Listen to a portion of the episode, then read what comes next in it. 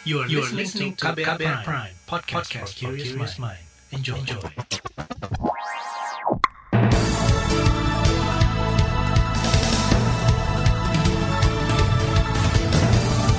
Selamat pagi saudara, senang sekali saya menjumpai Anda bersama program Buletin Pagi edisi Kamis 24 Desember 2020. Saya Eka Juli, sudah mempersiapkan sejumlah informasi pilihan, di antaranya Risma diingatkan memperbaiki citra kementerian. Satgas Penanganan COVID-19 imbau warga liburan Nataru di rumah saja. Badan POM temukan puluhan ribu pangan kemasan kedaluarsa. Inilah selengkapnya Buletin Pagi KBR. Terbaru di Buletin Pagi. Pelaksana tugas Menteri Sosial sekaligus Menko PMK Muhajir Effendi meminta Menteri Tri Risma hari ini memperbaiki citra Kementerian Sosial yang kini terpuruk. Sederet Menteri Sosial diseret masuk penjara karena korupsi, mulai Bahtiar Kamsah, Idrus Marham, hingga Juliari Peter Batubara, yang awal bulan ini dicokok dalam kasus dugaan korupsi Bansos COVID-19. Dan yang tidak kalah penting adalah untuk jangka pendek ini harus bisa membangkitkan rasa percaya diri dari seluruh jajaran Kementerian Sosial, ya, harus tidak boleh mengalami demoralisasi, ya, tetapi harus bangkit karena tumpuan harapan rakyat Indonesia terutama menghadapi COVID-19 ini adalah berada di tangan Kementerian Sosial ini. Untuk itu saya yakin betul Bu Risma orang yang tepat untuk berada di posisi Permintaan itu disampaikan pelaksana tugas Menteri Sosial sekaligus Menko PMK Muhajir Effendi saat serah terima jabatan. Dia berharap jajaran Kementerian Sosial mampu meneladani sikap tegas dan disiplin Risma yang sudah dibuktikan saat menjabat wali kota Surabaya. Menanggapi itu, Tri Risma hari ini langsung sigap mendesak dilakukannya efisiensi sumber daya di Kementerian Sosial ia juga minta dilakukan kaji ulang anggaran verifikasi dan validasi data terpadu kesejahteraan sosial. Begitu besarnya nilai anggaran pendataan itu membuat Risma sempat shock. Tadi saya sempat kaget, 1,3 triliun untuk data. Waduh mati saya bilang itu. Kalau kita tidak hati-hati. Karena bukan itu uang besar sekali 1,3 triliun itu bukan besar, besar sekali. Jadi mari e, nanti tolong difikirkan bagaimana kita bisa membuat dan mengevaluasi data dengan efisien. Sehingga sisanya kita bisa bantukan untuk orang lain. Menteri Sosial Tri Risma hari ini juga mengingatkan salah satu kunci menurunkan biaya anggaran adalah dengan kerja bersama dan menghilangkan sekat jabatan. Risma juga menyebutkan pentingnya sikap ketelitian dan evaluasi mendetil dari setiap laporan anggaran pengerjaan proyek. Saudara Komisi Pemberantasan Korupsi KPK juga mengingatkan Tri Risma hari ini terkait potensi terulangnya korupsi bansos COVID-19. Juru bicara KPK bidang pencegahan IP Mariati mengatakan, Potensi itu meliputi penggunaan anggaran penanganan COVID-19, pengadaan barang dan jasa, penyelenggaraan bansos, serta pengelolaan hibah dari masyarakat. Terkait bansos, KPK masih menemukan persoalan utama dalam penyelenggaraan bansos adalah akurasi data penerima bantuan, baik itu terkait kualitas data penerima bantuan, transparansi data, maupun pemutakhiran data. Rendahnya kualitas dan transparansi data ini berdasarkan keluhan yang masuk ke aplikasi Jaga Bansos mengakibatkan permasalahan dalam penyaluran bansos. Di antaranya yaitu bansos tidak tepat sasaran, tumpang tindih, dan tidak transparan. Juru bicara KPK, IP Mariati juga menambahkan, lembaga anti rasuah melakukan mitigasi risiko korupsi penyelenggaraan bansos COVID-19, mulai dari masalah data fiktif, benturan kepentingan pelaksana, pemerasan, potensi gratifikasi, penyuapan dalam pemilihan vendor, dan penggelapan bantuan. KPK juga meminta Risma mengintegrasikan data terpadu kesejahteraan sosial atau DTKS karena belum sinkron antar instansi. Senada disampaikan juga lembaga anti korupsi ICW.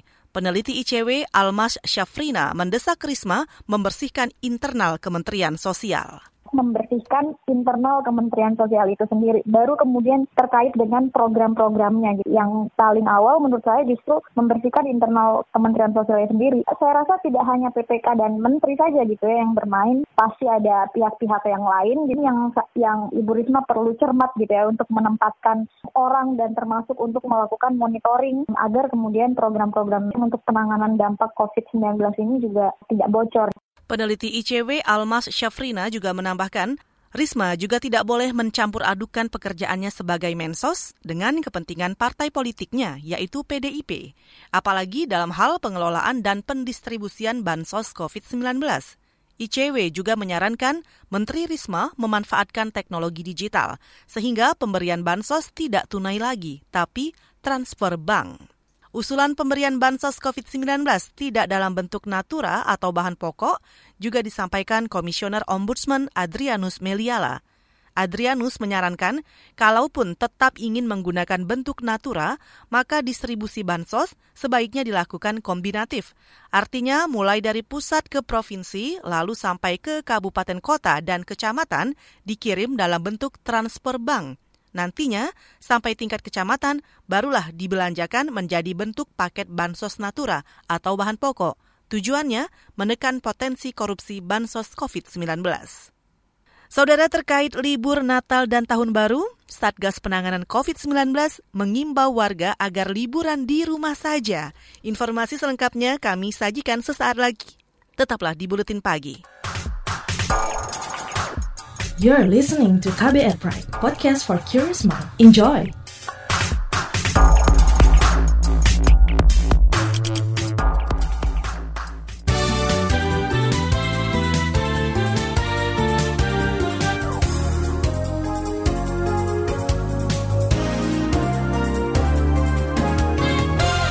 Saudara, masih tingginya jumlah penyebaran kasus baru virus corona membuat Ketua Satgas Penanganan COVID-19 Doni Monardo mengimbau masyarakat mengisi liburan Natal dan Tahun Baru atau Nataru di rumah saja, termasuk bagi umat Kristiani yang merayakan Natal esok hari.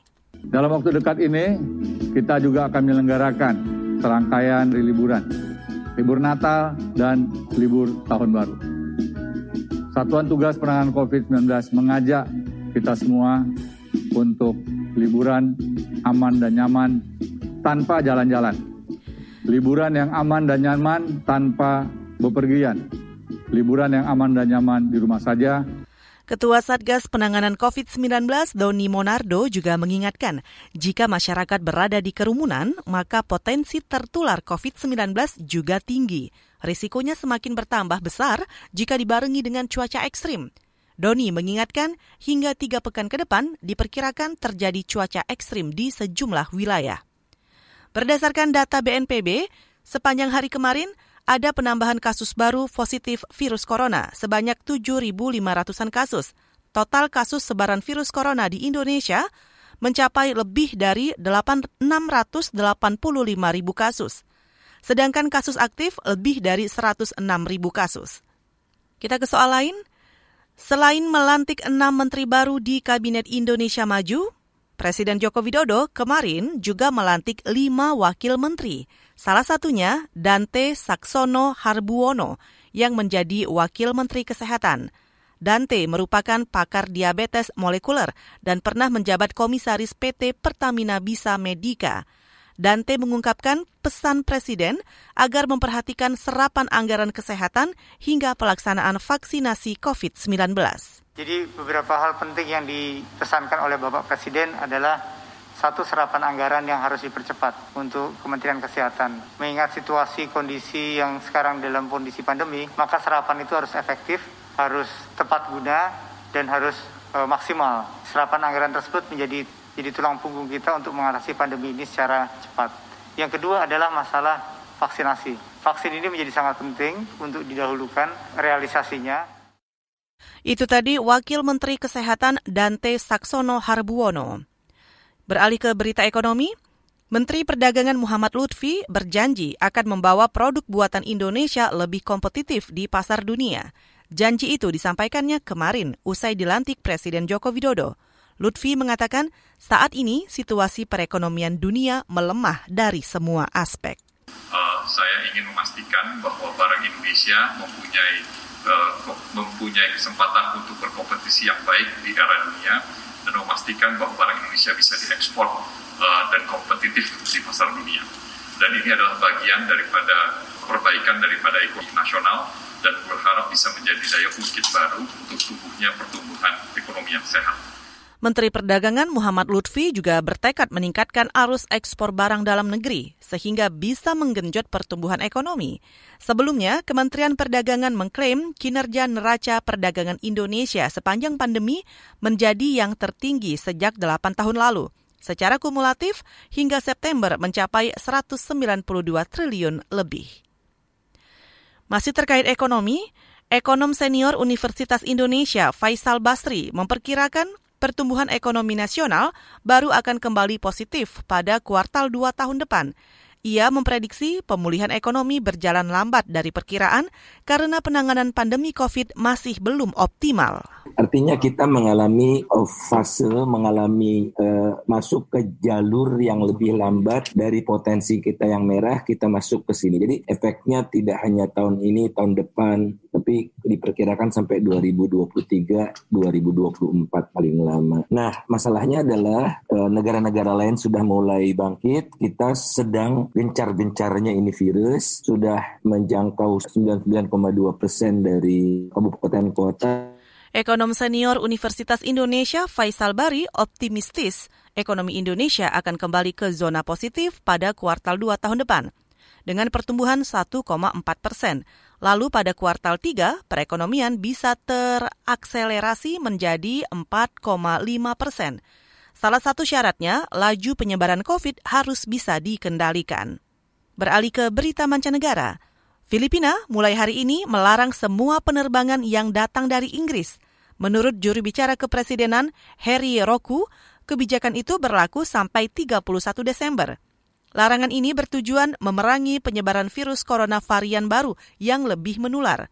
Kebijakan pelarangan juga berlaku bagi semua penumpang yang sudah berada di Inggris dalam 14 hari terakhir dan calon penumpang yang hanya melakukan transit dari Inggris. Sebelumnya, sejumlah negara di Eropa menghentikan penerbangan dari dan ke Inggris. Penghentian dilakukan karena munculnya varian baru virus corona yang disebut lebih menular di negara tersebut. Kita ke Piala Liga Inggris. Manchester United lolos ke semifinal Piala Liga Inggris alias Carabao Cup setelah mengalahkan Everton dini hari tadi waktu Indonesia Barat – Duel yang digelar di Goodison Park berakhir dengan skor 2-0. Dua gol Man United masing-masing dilakukan Edinson Cavani dan Anthony Martial.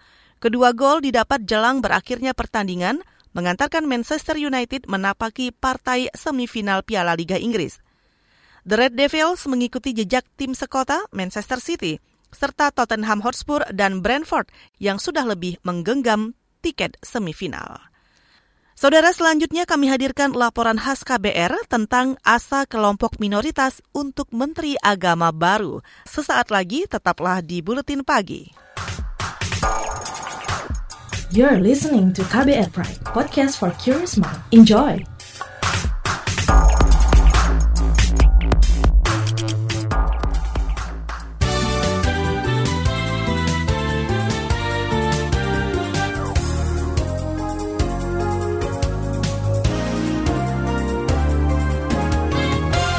Anda masih bersama kami di Buletin Pagi KBR. Dilantiknya Yakut Holil Kaumas sebagai Menteri Agama memberi asa baru bagi kelompok minoritas. Mereka menanti gebrakan Gus Yakut untuk mengatasi masalah intoleransi yang tak kunjung tuntas. Berikut harapan yang dititipkan kelompok minoritas agama untuk Menteri Agama baru. Laporannya disusun tim KBR yang disampaikan Valda Kustarini. Ini waktunya kita membuktikan bahwa Kementerian Agama ini bukan hanya Kementerian Agama titik, tapi Kementerian semua agama. Tidak ada perbedaan, tidak ada diskriminasi, semua agama ada di kementerian ini. Kita tunjukkan. Itu tadi kata sambutan yang disampaikan Menteri Agama Yakut Kolil Kaumas saat acara serah terima jabatan di Kementerian Agama.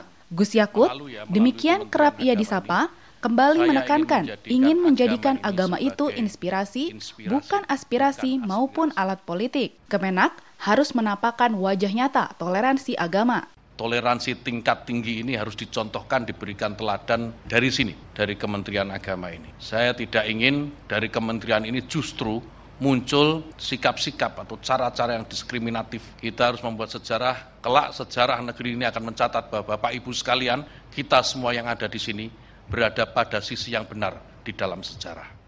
Pernyataan tegas Gus Yakut soal visi toleransi menerbitkan asa baru bagi berbagai kelompok minoritas agama. Jemaat Gereja Huria Kristen Batak Protestan HKBP Philadelphia misalnya berharap Menak baru bisa membantu membuka segel gereja mereka di Bekasi, Jawa Barat. Gereja itu sudah 10 tahun disegel Pemda setempat atas desakan kelompok intoleran. Pengurus HKBP Philadelphia, Ardus Simanjuntak. Cara perjuangan HKBP Philadelphia dengan situasi ibadah itu ya rasa pesimis itu pasti ada. Tapi ya semoga lah dengan Menteri Agama yang baru dengan Pak Yakub ya, Yakut Holil ya semoga lah beliau juga bisa membantu memberi solusi tentang ibadah kita. HKBP Philadelphia senasib dengan GKI Yasmin di Bogor. Mereka tak bisa beribadah di gereja meski sudah mengantongi izin pembangunannya. Berulang kali mereka mengadukan ketidakadilan ini ke pemerintah, misalnya lewat ibadah di seberang Istana Negara. Ya harapannya penegakan hukum di negara kita melalui Menteri Agama itu bisa ditegakkan. Nah, jadi ya gereja kita segelnya bisa dibuka, kita bisa beribadah di gereja yang memang kita sudah beli dan kita ya, urus sama demikian rupa. Gitu. Suara lebih optimistis muncul dari kelompok Ahmadiyah. Apalagi Gus Yakut dikenal sebagai sosok yang tegas terhadap kelompok intoleran. Kata juru bicara Jemaah Ahmadiyah Indonesia, Yendra Budiana kami cukup kenal lama kan ya dengan beliau dan uh, beliau uh, saya lihat tipe yang lebih terbuka, lebih jelas gitu, lebih berani ya di dalam uh, bersikap terhadap kelompok-kelompok intoleran. Ahmadiyah ingin kebebasan beragama dan beribadah tak lagi jadi kemewahan bagi kelompok minoritas seperti mereka. Ahmadiyah selama ini kerap didiskriminasi, bahkan oleh negara melalui surat keputusan bersama tiga menteri. Banyak kasus yang hingga kini belum selesai. Contohnya, Jemaah Ahmadiyah di Wisma Transito Nusa Tenggara Barat tak kurang dari 35 keluarga terpaksa mengungsi setelah diusir dari kampungnya 2006 silam semua kelompok punya keyakinan yang dilindungi oleh konstitusi itu boleh melaksanakan ibadahnya tanpa merasa khawatir gitu. Itu yang paling penting sih. Itu saja dulu bisa diwujudkan, kita akan optimis di langkah-langkah berikutnya. Kelompok penghayat kepercayaan atau penganut agama tradisi menanti janji Gus Yakut soal toleransi. Tokoh masyarakat adat Sunda Wiwitan, Oki Satrio Jatim mengaku terkejut. Politikus PKB itu didapuk sebagai Menteri Agama baru menggantikan Fahrul Rozi. Di sisi lain, keputusan ini memunculkan asa baru tentang masa depan keberagaman di Indonesia. Kami melihat latar belakangnya beliau putra Kiai Kolil Bisri. Kiai yang sangat mengerti agama, artinya keluarga Bisri itu di NU memang kan dahulunya memang pemilik pesantren besar. Mereka mendidik anak-anaknya termasuk Gus Yakut ini nasionalis dan berjiwa kebangsaan. Kelompok penghayat seperti Sunda Wiwitan sudah kenyang dengan diskriminasi, mulai dari penyegelan tempat ibadah, stigma ajaran sesat, hingga masalah kolom agama di KTP. Engkus Ruswana, penghayat kepercayaan budidaya, berharap menak baru mampu membuat terobosan ketimbang pendahulunya. Dan kami dari mas minoritas juga kan merasa lebih aman dibanding Menteri Agama yang kemarin. Menteri Agama kemarin kan nggak jelas itu komitmennya ke mana. Engkus mendukung Gus Yakut membenahi internal Kementerian Agama terlebih dahulu. Ia mengingatkan bakal banyak tantangan berat menghadang dalam menegakkan visi toleransi dan moderasi agama. Ya tantangannya karena memang golongan yang apa, kelompok intoleran itu kan udah kuat itu nah itu yang tantangan beratnya di situ jadi harus bisa menggerakkan nah, kelompok-kelompok yang selama ini silent majority itu demikian laporan tim KBR saya Valda Kustarini. Itu tadi laporan khas KBR tentang asa kelompok minoritas untuk Menteri Agama baru. Selanjutnya kami hadirkan informasi dari daerah, tetaplah di Buletin Pagi. Commercial Break Vina, seorang volunteer dari komunitas Biho, memberi pesan kepada teman-teman Broken Home untuk dapat bangkit dari keterpurukan dan mampu berdikari jangan sampai kalian menikah saat kalian belum siap. Itu penting banget. Jadi selama masih muda nikmati aja masa mudanya. Carilah hal-hal positif yang bermanfaat buat masa muda kalian. Sehingga nanti kalian ketika pun sudah memiliki pasangan, mau mencari pacar misalkan atau sudah ingin menikah, kalian sudah benar-benar matang agar apa yang kalian alami tidak terjadi kembali kemudian hari. Simak obrolan selengkapnya dalam podcast Disco Diskusi Psikologi dalam episode Bangkit dari Keterpurukan dan Berdikari di kbrprime.id dan platform mendengar podcast lainnya.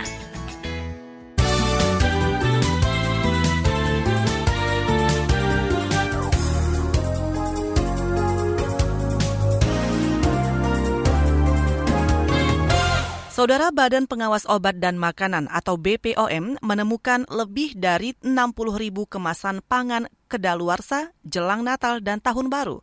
Selain pangan kedaluarsa, menurut Kepala BPOM Penny Kalukito, tim intensifikasi pengawasan pangan juga menemukan pangan ilegal sebanyak lebih dari 31 ribu kemasan dan pangan rusak 4 ribuan kemasan.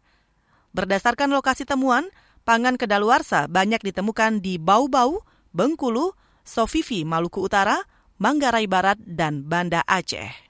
Kita ke soal lingkungan. Pemerhati lingkungan mengecam insiden adanya bongkahan batu bara PLTU Batang, Jawa Tengah yang masuk dalam tangkapan dan merusak alat nelayan. Aktivis lingkungan dari Greenpeace Indonesia, Dinar Bayu, mendesak pemerintah bertindak tegas terhadap PLTU Batang dengan meminta pertanggungjawaban atas kerugian yang menimpa puluhan nelayan di pesisir Roban, Batang. Saat ini pun belum ada pihak yang menyatakan bertanggung jawab atas kejadian tersebut. Selain itu, batu bara memiliki banyak kandungan berbahaya yang jika berinteraksi dengan air laut bisa menghasilkan asam sulfat dengan kadar yang tinggi. Biota laut cenderung sensitif terhadap perubahan pH yang sangat cepat. Hal ini tentu sangat merugikan nelayan di Batang mereka harus menambah biaya operasional untuk mencari ikan lebih jauh dan juga biaya perbaikan alat tangkap mereka yang rusak karena tersangkut oleh batu bara.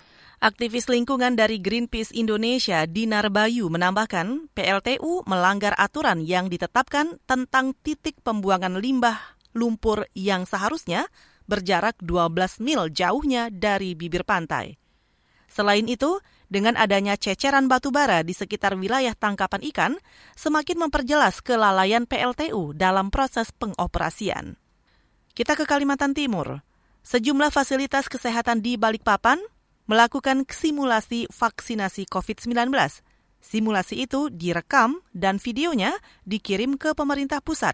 Kepala Dinas Kesehatan Kota Balikpapan, Andi Sri Juliartri, mengatakan ada 37 fasilitas kesehatan yang siap melakukan vaksinasi. Seluruh tenaga vaksinator sudah di workshop kemarin tanggal 16 sampai 17 yang ada di Balikpapan dan setelah workshop dilanjutkan dengan melakukan simulasi di puskesmas masing-masing. Saat ini proses simulasi sedang dilakukan karena uh, ada banyak yang harus disiapkan. Simulasi diminta direkam dalam bentuk video kemudian akan kami kirimkan melalui Dinkes Provinsi. Kepala Dinas Kesehatan Kota Balikpapan, Andi Sri Juliartri juga memperkirakan dalam satu hari, satu vaskes mungkin hanya bisa melayani 10 orang karena banyaknya tahapan yang harus dilakukan. Diperkirakan, Balikpapan hanya mendapat 150 ribu vaksin COVID. Prediksi ini merujuk kebijakan pemerintah pusat yang hanya memvaksinasi warga berusia 18 hingga 59 tahun. Saudara, informasi tadi menutup jumpa kita di Buletin Pagi hari ini.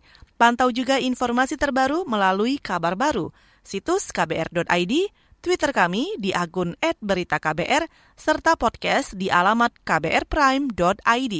Tetap patuhi protokol kesehatan pencegahan COVID-19. Akhirnya saya Eka Juli bersama kerabat kerja yang bertugas undur diri. Salam.